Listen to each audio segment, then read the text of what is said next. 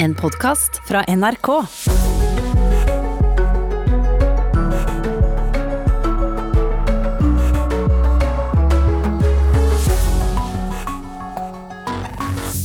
God morgen, godtfolk. Her er Nyhetsmorgen.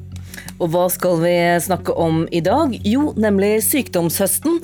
Planlegg godt, sier NHO og ber medlemsbedriftene være forberedt på mye høyere sykefravær i høst. Og hva vil gårsdagens nye reiserestriksjoner bety for en allerede presset reiselivsnæring? Det skal vi prøve å finne ut av ved å se inn i krystallkulen.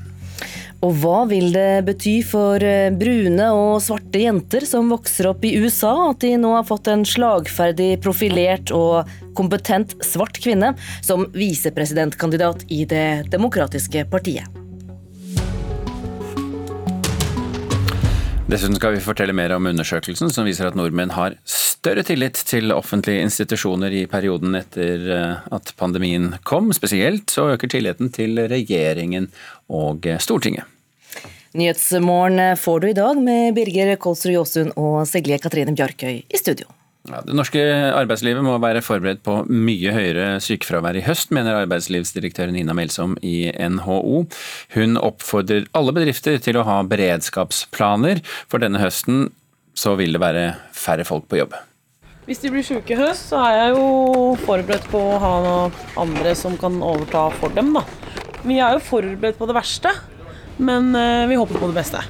Aina Sæbø Olsen, butikksjef for en Kiwi-butikk i Lier, er godt forberedt på en høst hvor ansatte må holde seg hjemme. Kommuneoverlege og leder av smittevernrådet i Drammen, John David Johannessen, følger smittevernrådene fra helsemyndighetene nøye.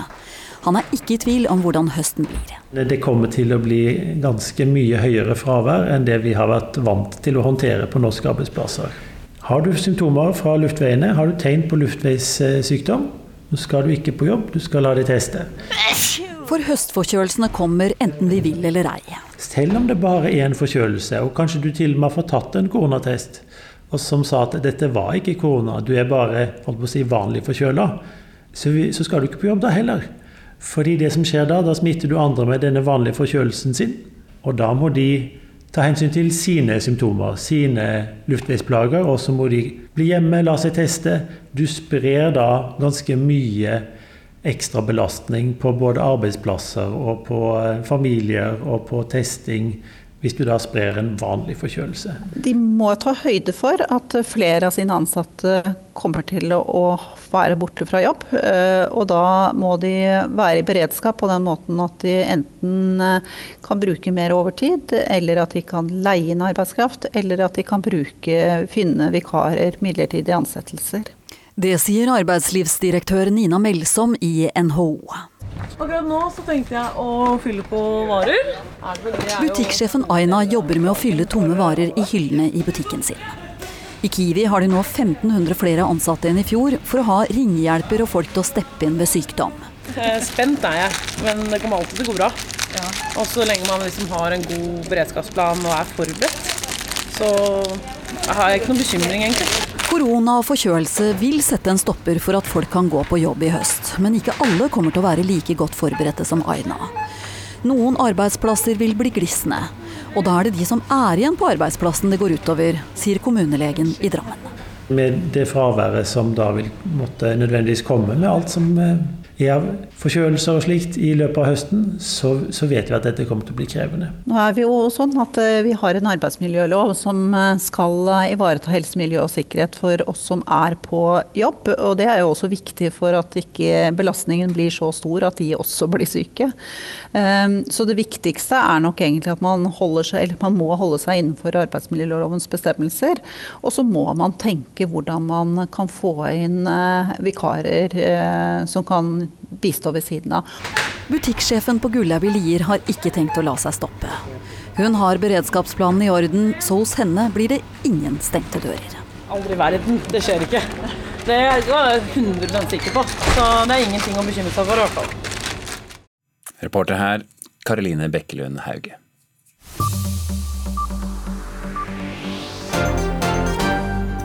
Og nå noen eksempler på hva som skjedde i løpet av natten. En mann i 90-årene er fløyet til sykehuset Kirkenes etter at han ble angrepet av en mann som tok seg inn i huset hans i Vardø. Ifølge politiet er det så vidt de vet ingen relasjon mellom de to. En mann i 40-årene er pågrepet og siktet for kroppsskade, og det er ukjent hvor store skader 90-åringen har fått. Det har vært en eh, ny natt med fester og bråk i flere store byer. I Bergen var politiet ute på rundt 40 oppdrag om festbråk. I Trondheim hadde de 30 oppdrag og måtte ut og bryte opp og dempe festingen. Politiet ber nå studenter og andre festglade om å ta hensyn til dem som skal eh, tidlig opp eh, på jobb.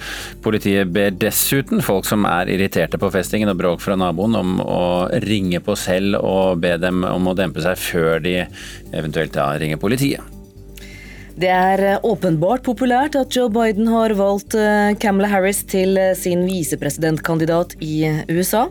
Siden Biden, som altså stiller til valg som presidentkandidat for Demokratene, annonserte at han går til valg sammen med Harris, så har han samlet inn 26 millioner dollar i døgnet drøyt 240 millioner eh, norske kroner, altså. Det er dobbelt så mye som hans forrige dagsrekord. Harris er den første svarte kvinnen som blir utpekt til visepresidentkandidat for eh, et av de to store partiene. Og her er noe av det du får vite mer om hvis du følger med på NRK Nyheter i dag. Nedre Romerike tingrett skal avgjøre om politiet kan beslaglegge huset til Tom Hagen i Sloraveien i Lørenskog i Akershus i tre måneder til, eller om den siktede 70-åringen kan få flytte hjem. Ifølge politiet er huset et viktig bevis i drapsetterforskningen. De mener at Anne-Elisabeth Hagen ble drept i boligen, og at huset dermed er et åsted. Og Tilliten til offentlige institusjoner øker ifølge Arendalsukas tillitsundersøkelse. Spesielt er det tilliten til regjeringen og Stortinget som øker, men også den generelle tilliten i samfunnet øker sammenlignet med i fjor.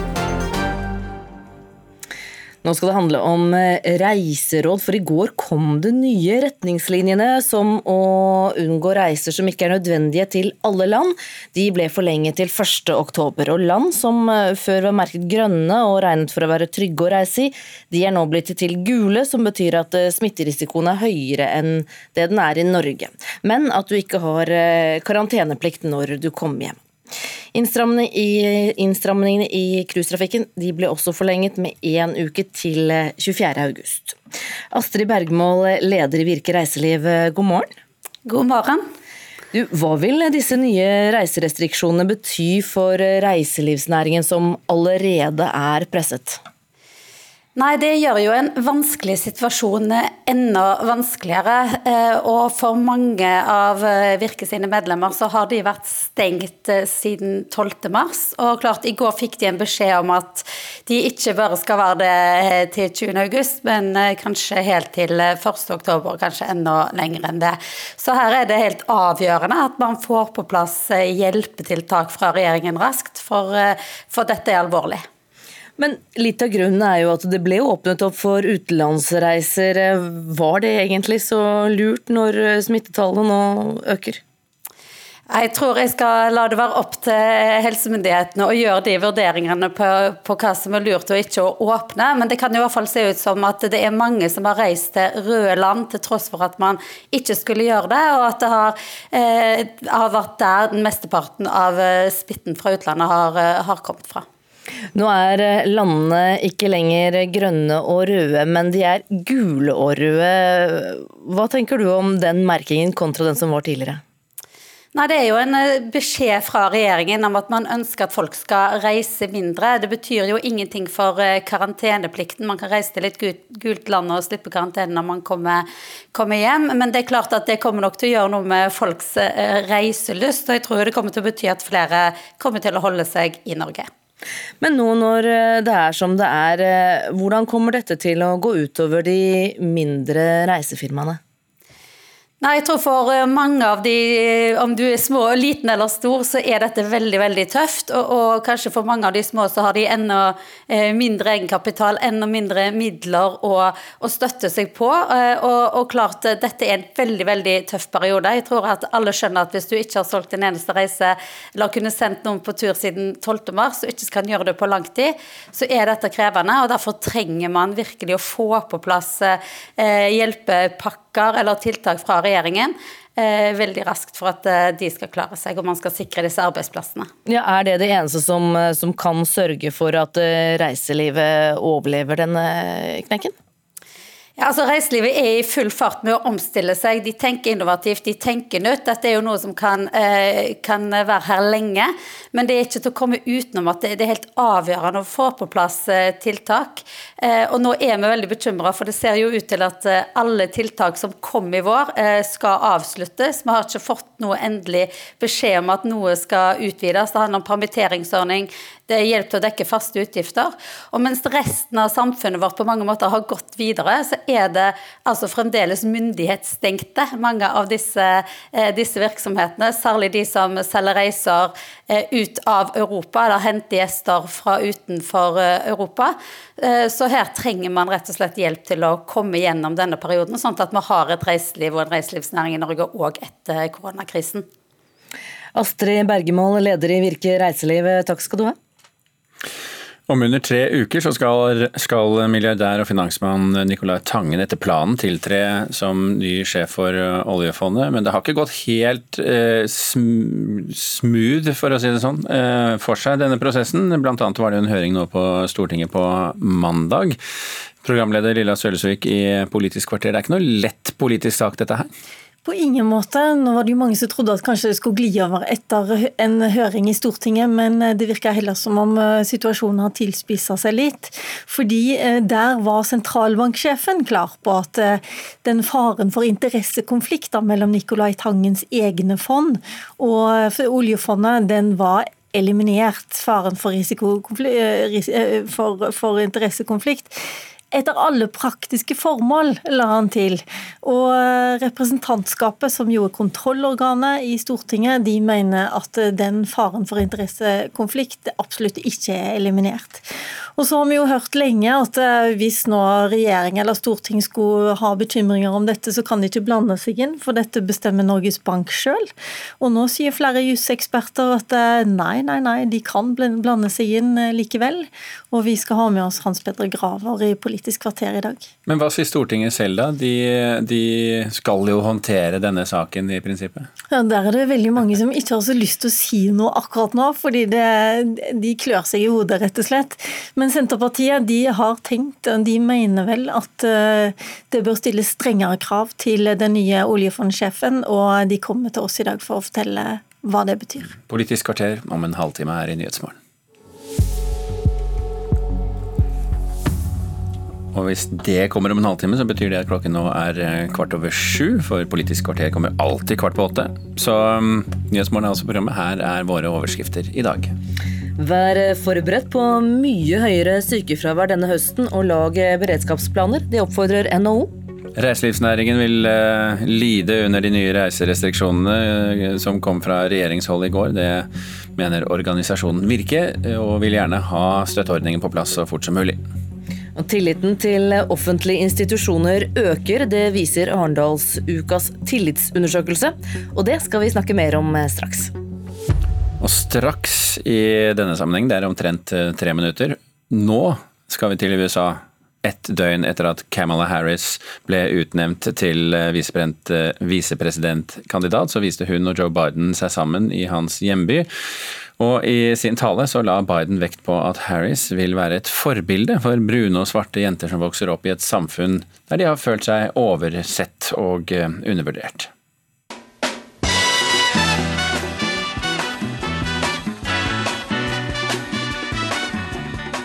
Uten publikum i salen, men med musikk på høyttalerne, entret Joe Biden og Camela Harris scenen i hans hjemby Wilmington. Før Biden ga podiet til sin visepresidentkandidat, skrøt han henne opp i skyene. Kamala, as you all know, is smart, she's tough, Kamala er som dere vet smart, tøff, erfaren.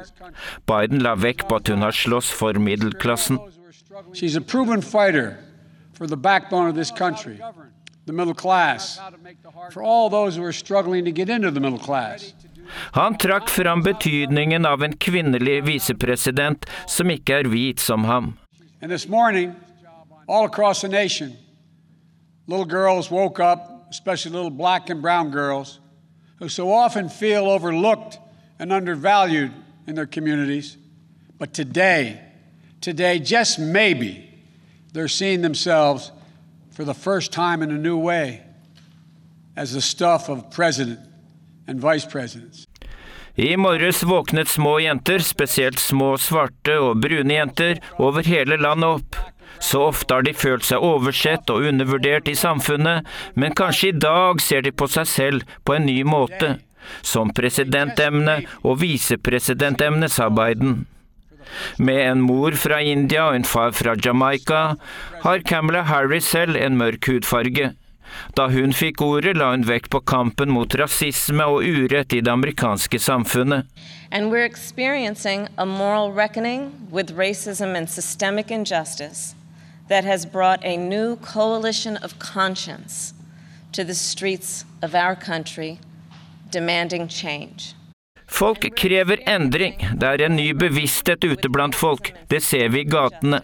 Hun refererte til demonstrasjoner og protestmarsjer etter politidrapet på George Floyd. Det var eh, Dag Bredvei som eh, fortalte om eh, tilliten Kamala Harris har fått av presidentkandidat Joe Biden. Og det skal handle om tillit også nå, bare litt annen type tillit? Ja, nå handler det om tilliten til offentlige institusjoner som altså Stortinget, regjeringen, media, LO, NHO disse, denne type institusjoner, og den øker. Det viser Arendal-ukas tillitsundersøkelse, som er utført av Responsanalyse. Leder av Arendalsukas hovedprogramkomité, Harald Stanghelle, god morgen. God morgen.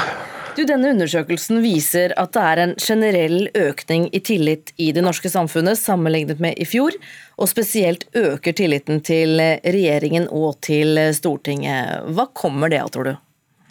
Ja, Vi ser helt klart en eh, effekt av eh, koronakrisa. Vi vet jo fra mange land at eh, velgerne søker mot institusjonene, søker mot det som er det trygge.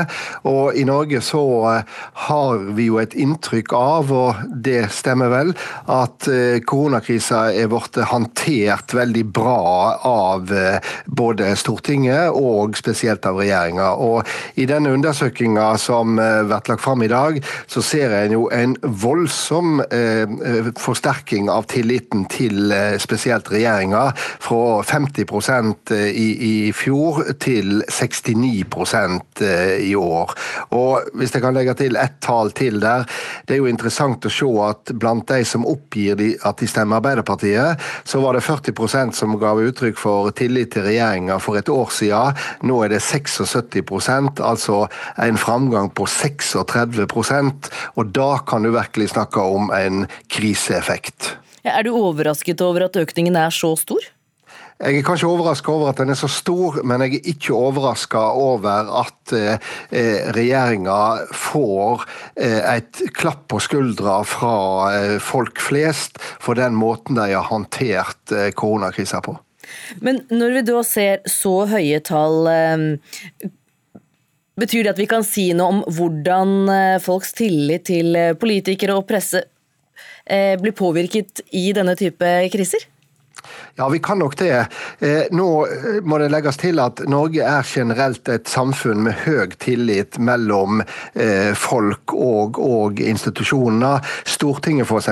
står veldig sterkt. 67% svarer i fjor at de hadde, hadde høy tillit til Stortinget. I år er det 77% så, så vi er et tillitssamfunn i bunnen.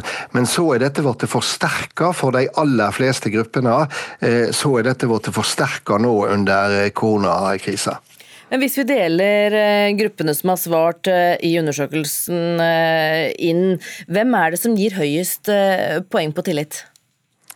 Ja, det vi ser er at eh, mange har fått et tillitsløft, men vi ser også ei tillitskløft. Det er ikke noe forskjell på om folk bor i nord eller sør, øst eller vest. Det er ikke noe forskjell på, eh, på inntekter, men det er én stor forskjell, og det er når det gjelder utdannelse.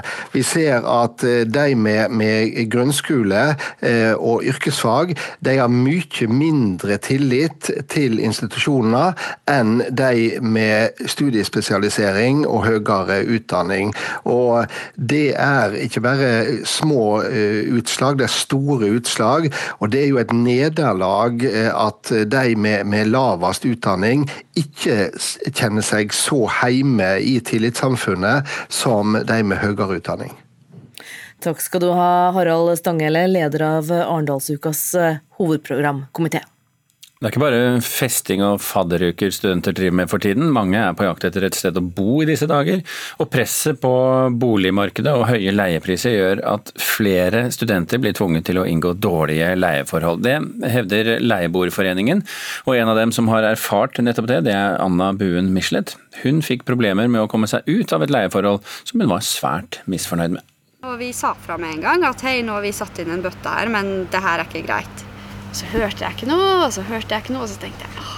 Anna Buen Michelet ville ha fiksa en lekkasje i leiligheten hun leide i Oslo i fjor. Hun meldte fra til huseier, men de lot vente på seg.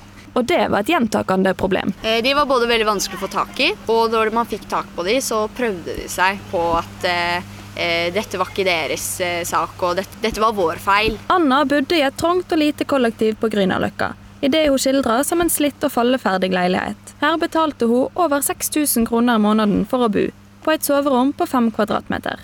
Denne situasjonen er godt kjent for Anne Rita Andal i Leieboerforeningen. Hun sier det er et stort problem at det blir leid ut leiligheter i dårlig stand til høye priser. Folk betaler det det koster da, fordi at man ikke har noe reelt valg, og det er et kjempeproblem. De må ofte bistå leieboere som har trøbbel med bostaden eller leieforholdet. Det handler jo om at vi ikke har en god nok leiepolitikk her i landet, og at leieboere har et svakt rettsvern. Og så er det mange som trenger bolig, og det er altfor få boliger. Og da er du kanskje tvungen til å inngå et dårlig leieforhold. Nå skal vi opp i andre etasje. Og det er kjempefint der. Etter ett år fikk Anna nok, og så seg om etter en ny stad å bo. Men heller ikke det var enkelt. Ettersom det ikke sto noe om oppseiingstid i kontrakten, gikk hun ut ifra at den var på tre måneder. Men der tok hun feil. Kontrakten var tidsbestemt, og hun kunne dermed ikke si opp avtalen før leieperioden var over. Dermed måtte hun sjøl finne noen som kunne ta over leieforholdet. Så når jeg skjønte at jeg måtte finne og rose leiligheten for å komme meg ut av det selv, litt sånn, som å gi en sånn parasitt videre, så syns jeg det var skikkelig skikkelig forferdelig. Hun fant en ny leietaker, men måtte vente over to måneder på godkjenning fra huseieren. Det ble to måneder med ekstra husleie, og i tillegg måtte hun betale et gebyr på 1800 kroner. Anders Leisner, advokat i Huseierne, sier at selv om dette ikke er i strid med lovverket, var det leietakeren som ble den tapende parten. Da har i hvert fall eh, man brukt en annen fremgangsmåte enn den loven gir eh, anvisning på. Det er vanskelig å si at det er ulovlig, men det, er, det, er ikke, altså, det kunne vært gjort på en gunstigere måte for henne. Anne Rita Andal i Leieboerforeningen sier at et av problemene i leiesektoren er et ubalansert maktforhold mellom leietaker og utleier. Så først og fremst så trenger vi jo en skikkelig opprydning i leiesektoren, sånn at leieboerne slipper å sitte med den byrda. Den tidligere utleieren til Anna skriver i en e-post til NRK at de har rutiner for overtaking av leieforhold, der leietaker og utleier skal være til stades på synføringa av bostaden. Anna sendte noen andre til å delta på dette både ved innflytt og utflytt. Hun hadde flere muligheter til å melde inn feil og mangler underveis i leieperioden. Ved utflytt fant de avvik som de trakk fra depositumet. Skiftet til ny leietaker tok lengre tid pga. misligholden husleie og mangler i dokumentasjonen til den nye leietakeren. Reporter her, det var eh, Trine Svanholm Misje. Det var hun som fortalte om problemet studenter har på det private leiemarkedet. Men det er jo ikke problemfritt i Studentsamskipnaden sine boliger heller? Absolutt ikke, for eh, studenter i Tromsø som arrangerer fester i Studentsamskipnadens eh, boliger, risikerer nemlig å bli sagt opp fra boligene sine. Det sier administrerende direktør i Norges arktiske studentsamskipnad, Hans Petter Kvål. Det foregår eh, en rekke sosiale arrangementer i forbindelse med fadderuka, men eh, studentene har altså nå fått sterke formaninger om ikke å samles i større grupper. Kurt Salvesen er en av de nye studentene, og han var forberedt på at det ikke kom til å bli store fester. Altså, Jeg hadde egentlig ikke store forventninger til det, så det var mest bare å melde seg på for å bli kjent med medelevene sine, og det lever opp til forventningene mine. Man visste jo at korona var, så det blir jo ikke de her gigantiske festene, men det er nå like greit, egentlig. Hver høst står engasjerte faddere klar til å ta imot nye studenter. De fleste har fått med seg at årets fadderuke ikke blir slik den har vært mange år tidligere. Men så er det noen som ikke lar seg stoppe. De både arrangerer og deltar på fester. Og om det har smittevernekspert Ørjan Olsvik følgende å si. Slike brudd på, på smittevernreglene det kan man ikke akseptere. Dette er svært ubehagelig, og det er svært farlig. Det har vært rapportert om en del fester i Tromsø, og en gjeng starta opp festen som politiet nettopp hadde avslutta. I slike tilfeller risikerer man å bli kasta på dør, sier administrerende direktør i Studentsamskipnaden Hans Petter Kvål. Man kan bli fratatt retten til å bo der. Og den praksisen har vi jo hatt hele tida. Det som er kanskje spesielt i år, det er at vi er ikke så imøtekommende akkurat i denne semesterstarten som vi har vært tidligere. Tidligere har vi nok tillatt litt mer. Nå må vi skjerpe inn kravene. Hva er forskjellen på studentene nordpå og sørpå? Nei, vi kan eh, drikke ute ei kald vinternatt. Det, det, går fint. Det kan ikke dem.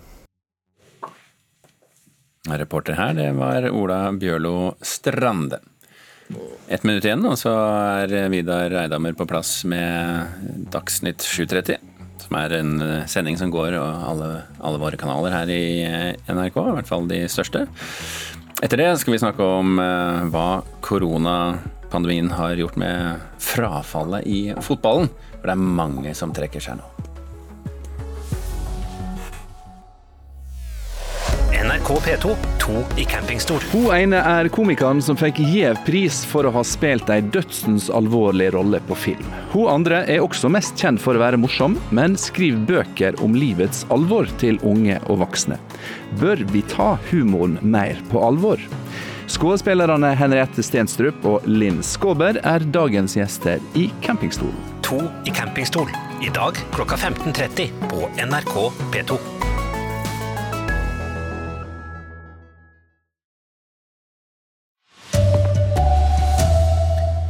Været budde på høyt sykefravær i høst, og lag beredskapsplaner, oppmoder NHO. De nye reglene for utenlandsreiser har gjort vondt verre for reiselivsbransjen, mener Virke. Ny natt med festbråk i flere byer. Her er NRK Dagsnytt klokka 7.30. Arbeidslivet må være budde på mye høyere sykefravær i høst. Det mener arbeidslivsdirektør Nina Melsom i NHO. Hun oppmoder alle virksomheter til å ha beredskapsplaner, for denne høsten vil det bli færre folk på jobb. Hvis de blir syke i høst, så er jeg jo forberedt på å ha andre som kan overta for dem, da. Vi er jo forberedt på det verste, men eh, vi håper på det beste. Aina Sæbø Olsen, butikksjef for en Kiwi-butikk i Lier, er godt forberedt på en høst hvor ansatte må holde seg hjemme. Vær så god. Kom igjen. Kommuneoverlege og leder av smittevernrådet i Drammen, John David Johannessen, følger smittevernrådene fra helsemyndighetene nøye. Han er ikke i tvil om hvordan høsten blir. Det kommer til å bli ganske mye høyere fravær enn det vi har vært vant til å håndtere på norske arbeidsplasser. Har du symptomer fra luftveiene, har du tegn på luftveissykdom, så skal du ikke på jobb, du skal la deg teste.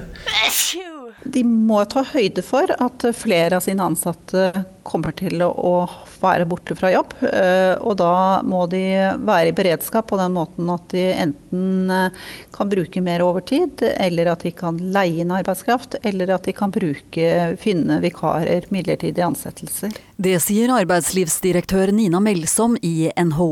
Fra NHOs side så er vi utrolig opptatt av nå å si at dere må lage beredskapsplaner. altså. Akkurat nå så tenkte jeg å fylle på varer. Butikksjefen Aina jobber med å fylle tomme varer i hyllene i Kiwi-butikken sin. I Kiwi har de nå 1500 flere ansatte enn i fjor for å ha ringehjelper og folk til å steppe inn ved sykdom. Aina har planene klare for å møte både korona og forkjølelse, så hos henne blir det ingen stengte dører. Aldri i verden. Det skjer ikke. Det er jeg 100 sikker på. Her er det, det skjer ikke. Reporter Karoline Bekkelund Hauge. De nye reisereglene, der alle land er gule eller røde, har gjort vondt verre for reiselivsbransjen. Det sier leder i Virke reiseliv, Astrid Bergmål. Retningslinjene om å unngå alle utenlandsreiser som ikke er helt nødsynte, ble i går forlenget til 1.10.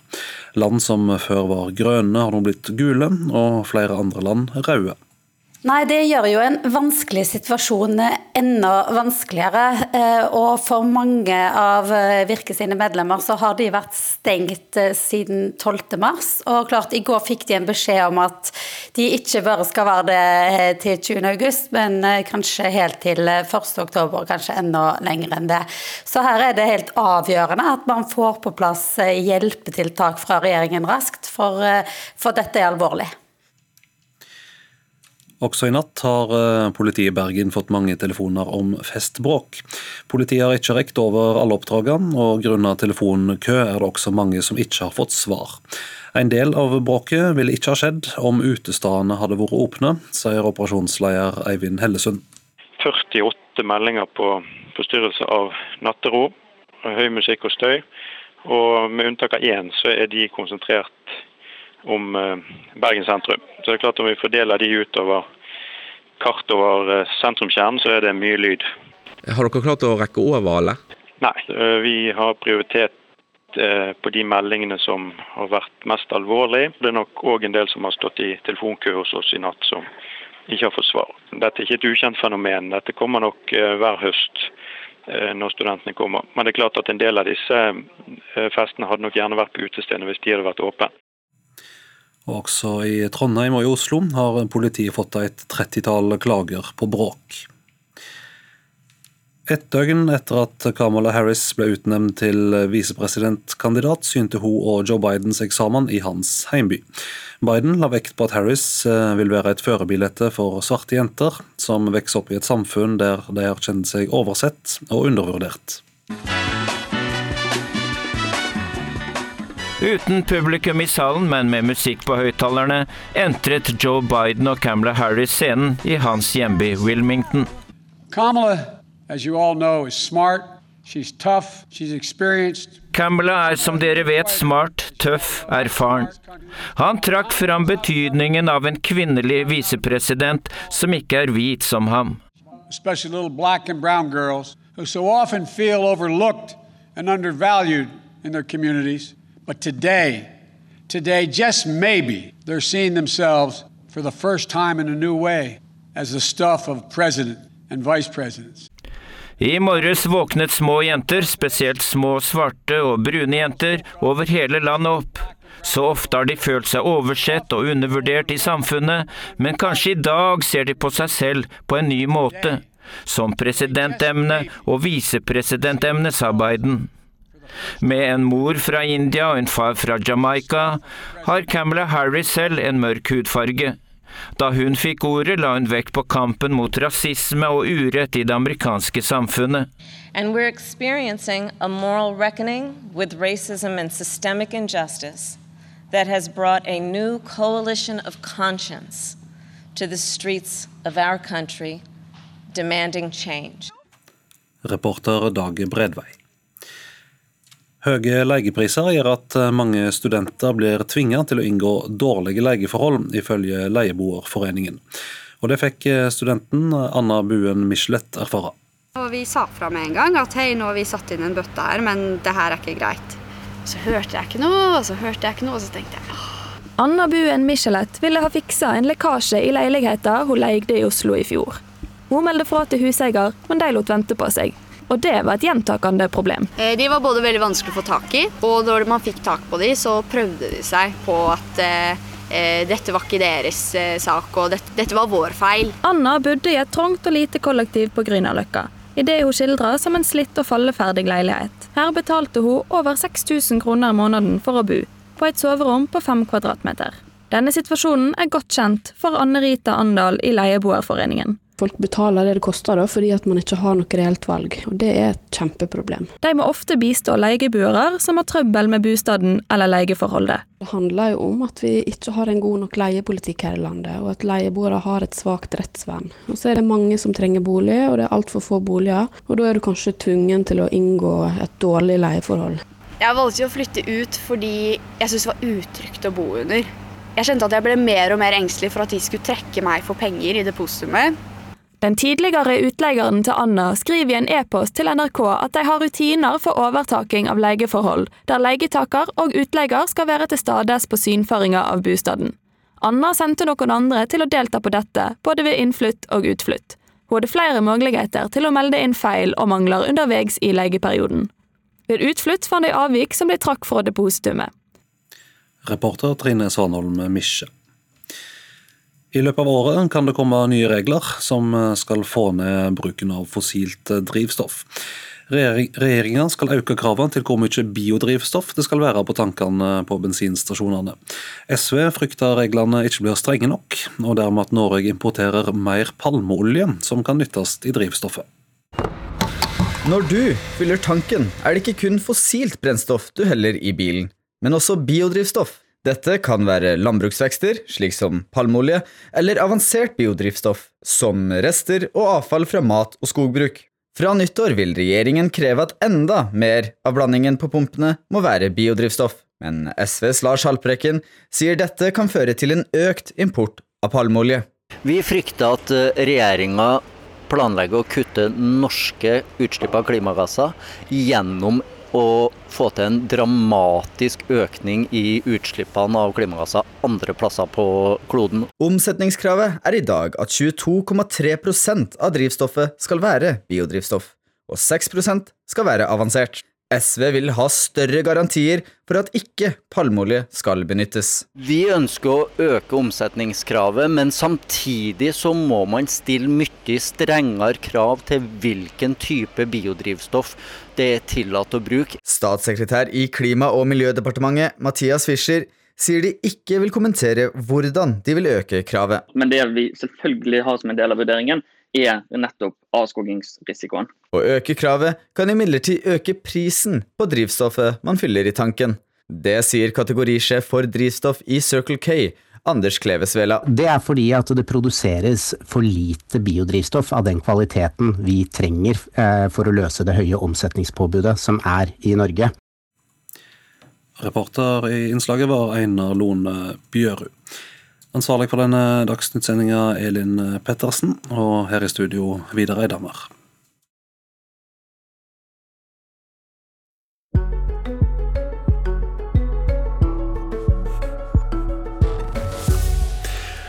Ja, Koronaeffekten har slått kraftig ut negativt for flere av fotballklubbene våre. På Innlandet f.eks., der har noen klubber mistet mange spillere, og vi sliter med å stille lag når seriespillet en gang begynner igjen. Det store frafallet bekymrer styrelederen i Indre Østland fotballkrets. Vi har gjort undersøkelser på det, og det er vi har vel estimert på et eller annet tidspunkt at det har ligget mellom, i hvert fall enkelte klubber mellom 20 og 30% Men det er klart, Hvis det er en variant på landsbasis, så kan vi jo se at vi mister omkring 100 000 fotballspillere. og Det er jo betydelig. Ane Guro Skåre Rekdal har hatt tett og god kontakt med klubbene i Innlandet også etter at koronatiltakene satte en brutalt stopper for all idrett i midten av mars. Det tok flere uker før klubbene kunne gå i gang med treninger for barne- og ungdomsfotballen. Og fremdeles må mange av fotballspillerne som er over 20 år vente og håpe. Situasjonen har gjort at en stor klubb som Furnes fotball ikke lenger er så stor. Vi har hatt mange medlemmer. Vi var jo oppe i 430 medlemmer, nå er vi nede i 350 ca. Det vil si at dere har mista? Vi har mista ca. 80 stykker. Daglig leder i Furnes fotball, Vegard Engebretsen, er fortvilet over det enorme frafallet i klubben. Nei, Det er synd. Veldig, veldig synd. Det med at så mange blir borte, det er jo tragisk for en klubb som Furnes. Konsekvensene av at 80 spillere har gitt seg i klubben, blir store. Det er lag som på en måte sliter nå med å kunne gjennomføre da den serien som vil komme nå. Både på barne- og ungdomsfotballen. Man må låne spillere, hospitere spillere, må flytte spillere. Det er mye mer, ja, mer vispas for å få til å gjennomføre en kamper. for at unga skal måtte ha den gleden av å spille fotball igjen. En ringerunde NRK har gjort til flere klubber viser imidlertid at variasjonene er store. Hos klubbene Lillehammer fotballklubb og Gjøvik-Lyn har de ikke merket mer frafall enn normalt. Elverum fotball merker en litt større nedgang blant spillere i ungdomsfotballen enn før. Mens hos Storhamar fotball merkes nedgangen først og fremst blant de yngste, sier daglig leder Arild Johansen. At vi har et visst frafall pga. korona, det er jeg ganske sikker på, spesielt på de yngste. Vi er kanskje på en 5-10 eh, i et frafall eh, per nå. Styreleder i Brumunddal fotball, Stian Skarpnord, tror effekten merkes mer i de små klubbene. For Brumunddal har faktisk fått flere spillere i barne- og ungdomsfotballen, på bekostning av mindre klubber. Vi har fått henvendelser fra mindre, små lokale klubber, ja, som har kommet til Brumunddal eh, i, i, den tiden her, ja. Skarpnord er mest bekymret for at de eldste spillerne skal legge fotballskoene på hylla. For enn så lenge har ikke regjeringen gitt klarsignal for fullkontakttrening og kamper for spillere over 20 år. Du kan tenke Det er kamper som alle ønsker å spille. Det er derfor de trener eh, nesten daglig eh, for å spille kamper. Og Når de ikke får det tilbudet, så eh, kan det gå på motivasjon løs, og da kan vi ratt miste noen pga. det. Ane Guro Skåre Rekdal i fotballkretsen frykter at lag kan smuldre opp fordi noen spillere gir seg, spesielt på små steder der klubbene på mange måter er limet i bygda. Frafallstallene gjør at hun er bekymret. Eh, jo flere spillere du mister, jo skjørere blir det eh, lagsmiljø. Altså, da kan du jo risikere å plutselig ikke ha lag. Eh, og så er jeg jo bekymra for dem som slutter. Ehm, det er ikke sånn automatisk at hvis du slutter eh, med fotball, som jeg prater om nå, eller idrett, så finner du deg en annen idrett du driver på med og er fysisk aktiv i. Ehm, vi ser jo at veldig mange havner i sofaen foran en skjerm. Og det vil jo ha noe å si for folkehelsa på lang sikt. Reportere her var eh, Ola Bjørlo Strande. Klokken er snart eh, kvart på åtte. Det betyr Politisk kvarter er på trappene her i Nyhetsmorgen. La meg bare minne om toppsakene våre i dag. Vær forberedt på mye høyere sykefravær denne høsten, og lag beredskapsplaner, oppfordrer NHO. De frykter at eh, det vil bli færre jobb, færre folk på jobb denne høsten. Reiselivsnæringen vil lide under de nye reiserestriksjonene som kom fra regjeringshold i går. Det sier organisasjonen Virke. De mener regjeringen må kjappe seg med hjelpetiltak. Og tilliten til eh, offentlige institusjoner øker, det viser Arendalsukas eh, tillitsundersøkelse. Og det er særlig blant eh, folk med høyere utdanning at tilliten øker. Og så til spørsmålet om hvem som skal avgjøre om Nicolai Tangen kan bli ny sjef for Pensjonsfondet. Det skulle jo egentlig være en ganske lett sak, men det viser seg at det er det ikke. Her er Lilla Sølhusvik med Politisk kvarter.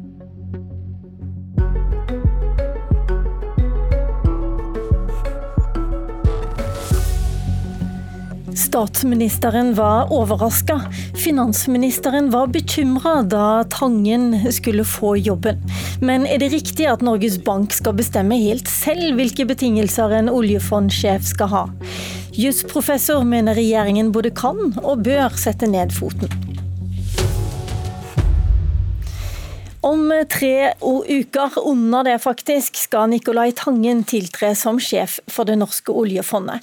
Jobben har han fått av hovedstyret i Norges Bank, men i en høring på Stortinget mandag fortalte sentralbanksjefen at han hadde snakka med finansministeren på telefon, og da var Jan Tore Sanner bekymra. Han, han, startet samtalen med, med å si at han hadde noen bekymringer, og han avsluttet samtalen også med å, å si og understreke at han har lyttet til det jeg sa, men nå har jeg gitt uttrykk for min bekymring. Det var, det var ordet han valgte, det husker jeg veldig godt. Så, men så sa han en viktig ting til. Og det var Men dette er Norges Banks ansvar. Ja, Helt siden Nicolai Tangen fikk jobben, er det mange som har vært bekymra. Noen har reagert på at han har plassert penger i skatteparadis, andre fordi han skal beholde aksjer i egne selskap, samtidig som han skal forvalte pensjonspengene sine. Men hele veien har vi hørt at det Olsen sier her, det er riktig, nemlig at eh, Norges Bank bestemmer, ikke regjeringen. Og jusprofessor Hans Petter Graver ved Universitetet i Oslo, du mener det er en misforståelse at oljefondet er uavhengig av Finansdepartementet. Hva er det vi alle har eh, misforstått? Vel, altså Norges Bank har eh, to oppgaver. Eh, for det første så er det såkalt sentralbank. og Dvs. Si at det har til oppgave å trykke penger og sørge for pengepolitikken og finans, finansiell stabilitet og dette her. Og der sier loven at banken er uavhengig. Men så har banken også en del andre oppgaver, bl.a. forvaltning av pensjonsfondet. Eh, og Der har den samme stilling som eh, ethvert eh, et offentlig organ som er underlagt regjeringen. Og det vil si at Med mindre det er spesielle bestemmelser i lovgivningen, så svarer banken til Finansdepartementet og kan instrueres av Finansdepartementet på samme måte som andre offentlige organer. Hva kunne Jan Tore Sanner ha gjort da, hvis han virkelig var bekymra og ville gjøre noe med det? Ja, Nå står det i loven at eh, det er Norges Bank eller hovedstyret som skal ansette eh, sjef for uh, oljefondet, altså NBIM. Så i utgangspunktet så er det jo riktig at akkurat selve ansettelsen ligger til Norges Bank. Men etter vanlig lære så betyr ikke det at ikke Finansdepartementet eller departementet kan instruere i enkelte tilfeller. Eh, og De kunne i hvert fall gått inn og instruert om betingelsene som må oppfylles eh, av en eh, fremtidig sjef for NBIM. Det sier jo Finansdepartementet at det visste de ikke om før han ble ansatt, faktisk. Hadde man plikt, sånn som representantskapet i Stortinget, eller Stortingets oppnevnte representantskap, kontrollorganet til Norges Bank, sier at de hadde en informasjonsplikt der til å fortelle om dette? Nei, jeg tror det går for langt, det representantskapet sier der. Og den bestemmelsen de viser til, den gjelder for sentralbankvirksomheten, og ikke for den øvrige virksomheten. Eh, så her er det mer den alminnelige dialogen. Og det er klart, i og med at det ligger til banken å ansette den direktøren, eh, så behøver de heller ikke eh, detaljert å informere departementet. Så jeg syns det er vanskelig å kritisere departementet eller finansministeren for at ikke de under prosessen har lagt noen føringer. Men hva med nå, da? Eh, nå sitter jo Stortinget og skal behandle dette her, og vi vet at Nicolai Tangen har fått jobben med de betingelsene han har eh, ønska seg, eller for så vidt sikkert etter forhandlinger, men likevel. Kan regjeringen gjøre noe som helst nå, hvis de ønsker å gjøre noe med det? Ja, nå er det jo en annen sak, for nå ligger det en del annen informasjon på bordet. og Bl.a. også en uenighet mellom eh, representantskapet og Norges Bank om eh, hvordan man skal håndtere risikoen for sammenblanding mellom eh, Tangens interesser og, eh, og, og jobben. Og Der sier jo representantskapet at de mener at all risiko må være eliminert, altså fjernet. Mens Olsen har jo sagt at det må holde at de nå har bygget inn slike mekanismer som gjør at risikoen for alle praktiske formål ikke lenger er til stede. Eh, og Det er to ganske forskjellige syn, og, her mener jeg at eh, departementet kan eh, gi uttrykk for sitt syn og instruere Norges Bank om hvilke av de to synene som skal legges til grunn.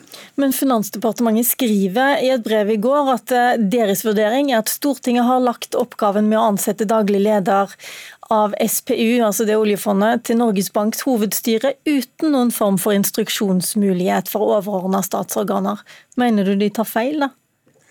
Nei, altså jeg er enig i det at det står i loven, og det betyr at det er Norges Banks oppgave. Men det betyr ikke at ikke departementet kan legge føringer både for eh, prosessen og for eh, krav til, eh, til stillingen. I hvert fall på det generelle grunnlaget, men også antageligvis i det konkrete tilfellet, sånn som her. De kan, mener du de bør også? Ja, Det er jo et mer en politisk spørsmål, så det ligger jo utenfor rammen av jussen. Jeg har jo selv vært interessert i eh, pensjonsfondet i forbindelse med de etiske retningslinjene, og jeg syns nok kanskje at eh, de også bør legge til grunn representantskapets oppfatning her, men som sagt, det ligger utenfor eh, det rent juridiske. Her, her, står etter min mening departementet og også stortingsflertallet fritt til å komme frem til det de mener er politisk riktig. Da får vi gå over til politikken. Takk for at du var med oss, jusprofessor Hans Petter Graver. Tangen og sentralbanksjef Øystein Olsens skjebne ligger jo nå altså i hendene på Stortingets finanskomité. og Derfor er det mange som kvier seg for å stille her i Politisk kvarter i dag. Vi har spurt og fått nei fra Høyre, Arbeiderpartiet og Fremskrittspartiet, i tillegg til finansministeren. Men heldigvis er du med oss, eh, Sigbjørn Gjelsvik. Du sitter for, i finanskomiteen for Senterpartiet. Og hva mener dere, kan Nicolai Tangen bli sjef for oljefondet med de betingelsene han har forhandla fram med Norges Bank? Vi mener at en må oppfylle de klare krav og forventninger som representantskapet, som er det kontrollorgan som Stortinget har oppnevnt, har eh, kommet med. Altså Eliminere potensielle interessekonflikter, men òg full åpenhet om skattemessige forhold og, og følge regler som gjelder for andre ansatte i Norges Bank. Hva betyr det egentlig? Ja, vi, vi, mener jo at Tangen må, må, selge seg ut av eh, de investeringer som han har i Aker-systemet, og flytte formuen sin si hjem. Det ville være en måte å nettopp løse det på. Og vi kan ikke se at det er skissert andre måter å nettopp eh, oppfylle representantskap sine krav på. Men Nicolai Tangen har jo sagt sjøl at dette er livsverket hans, det er helt uaktuelt for han å selge seg ut? Ja, men nå, det her handler om forvaltning av vår felles eh, formue. 10 000 eh, milliarder kroner er ufattelig mye penger. En kan nesten ikke forestille seg hvor mye penger det er. Det er det saka handler om, og da må vi legge rammer rundt det som kan sørge for at en eh, ivaretar allmennhetens tillit. Både på, på Stortinget, men òg i befolkninga, og for så vidt òg i internasjonale kapitalmarked, som bl.a. representantskapets leder var opptatt av. Og Det er det saka handler om. Og Da må en sørge for det, enten det gjelder dagens sjef Slyngstad, som gjorde nettopp det, plasserte sine investeringer på Oslo Børs, eller framtidige kandidater. At en sikrer ryddige forhold som kan sørge for at en har tillit og, og trygghet rundt et, en så viktig stilling og en så viktig eh, formue for Norge. Men nå har vi altså en sentralbanksjef i Norge som har sagt at dette er greit. Vi inngår en avtale med Tangen om at dette er greit. For alle praktiske formål så er risikoen eliminert. Har du ikke noe tro på han heller, da? Dette vil i så fall eh, handle mye om hans omdømme og, og posisjon også.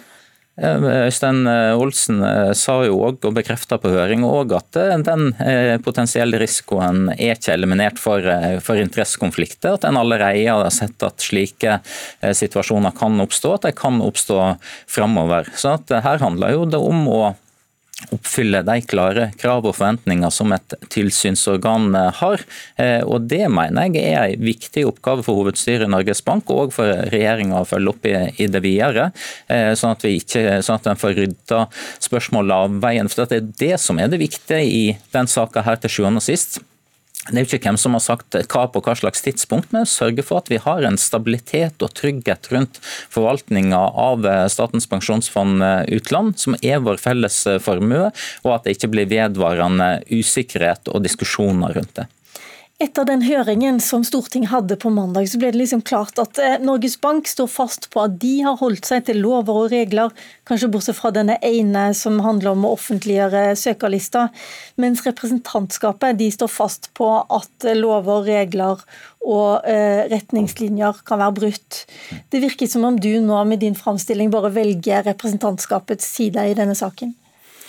Det er representantskapet som er utnevnt av Stortinget til å være tilsynsorgan. og Det må både eh, Norges Bank, regjeringa og Stortinget ta inn over seg. Det er veldig klare, krystallklare budskapet fra et samla representantskap. Eh, og Én ting er hva som har skjedd bakover. og Der har jo òg eh, Norges Bank kommet med erkjennelser, som du sier. Men det aller viktigste er jo hvordan vi skal sørge for forvaltninga av eh, pensjonsfondet framover, hva slags ramme som skal ligge rundt stillinga.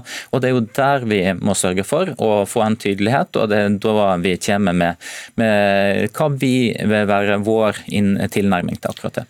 Vi skulle jo gjerne hørt regjeringen her. I går fikk statsminister Erna Solberg spørsmål om Tangen-saken da hun møtte til DN-frokost hos politisk redaktør Fridtjof Tangen.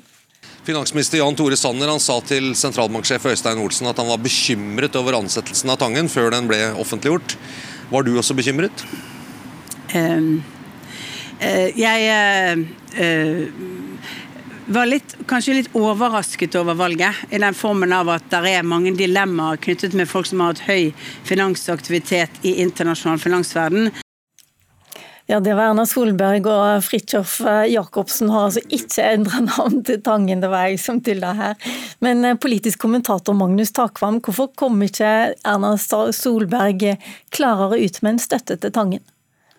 Hun fikk jo det konkrete spørsmålet i den sendingen som du pekte på. Og eh, det svaret jeg har fått eh, når jeg spør eh, hvorfor hun formulerte seg sånn, så, så sier man at ja, det var overraskende for folk flest. Det var også det for henne. Det var et ærlig svar. Men så kan man føye til at så betent denne saken er blitt, så, så, kan man jo spørre seg om det var, var lurt å formulere eh, seg på den måten, fordi det kan, kan jo forsterke eh, konfliktnivået om du vil, rundt saken, og, og, ytterligere peke på at dette var en svært kontroversiell ansettelse som det er all mulig grunn til å stille spørsmål ved. Men det vi alle lurer på nå, kommer eh, Nicolai Tangen til å tiltre i jobben 1.9? Kommer regjeringen, og kanskje med støtte fra Fremskrittspartiet, til å sikre at denne prosessen går som planlagt? Det har ingen eh, svaret på i øyeblikket. Vi skal være klar over at Nicolai Tangen har en eh, kontrakt som gjør at han har rett til å tiltre i jobben 1.9. Så skjønner alle at hvis situasjonen rundt det tidspunktet er slik at det er åpenbart en stor konflikt mellom den påtroppende eh, sjefen for oljefondet og det politiske miljøet i, Stortinget, så, så, så, kan ikke eh, han starte med den typen mistillit. Slik at Det som skjer fra nå og fram til dette tidspunktet er veldig spennende. og De politikerne jeg snakker med i finanskomiteen sier at det kanskje er den aller vanskeligste politiske nøtta de noen gang har eh, håndtert. Og, og, det som kom ut etter høringen, er som dere har vært inne på, at polariseringen bare økte, og at det er en isfront mellom Norges Bank og representantskapet, Stortingets eh, tilsynsorgan, som på en eller annen måte må bygges bro mellom for at dette skal, skal, skal vi si, gå Tangen og Øystein Olsens vei. Og det ser veldig vanskelig ut i øyeblikket. Men nå vet vi at SV og Rødt er veldig kritiske ja. til ansettelsen. Det hører vi Senterpartiet her. Arbeiderpartiet har ikke kommet ut ennå, men kan man se for seg en situasjon der Stortinget blir delt da, mellom en opposisjon og en eh, posisjon her? Ja, det er klart at jeg tror det vil være, De fleste vil oppfatte det som svært uheldig dersom de eh, skal vi si, sentrale partiene er splittet i denne saken. Arbeiderpartiet skal kanskje overtar regjeringsmakten, hvem vet, om vel et års tid. Og hvis de f.eks. er i et mindretall med klar mistillit mot denne prosessen, så vil det være vanskelig. Så man vil nok prøve å få de fleste partiene med i en konsensus. Og så langt har jeg oppfattet, eller magefølelsen min har vært, at hensynet til økonomisk stabilitet i samfunnet osv. ville være en terskel som gjorde det vanskelig for Arbeiderpartiet å gå skrittet helt ut. Men slik denne saken nå er blitt, er jeg langt fra sikker på om det er tilfellet eh, lenger. Eh, men man jobber i partiene med formuleringer, med juss, for å kunne konkludere eh, om noen få dager. Fortsettelse følger, men det var det vi rakk i dag. Du har hørt en podkast fra NRK. Hør flere podkaster og din favorittkanal i appen NRK Radio.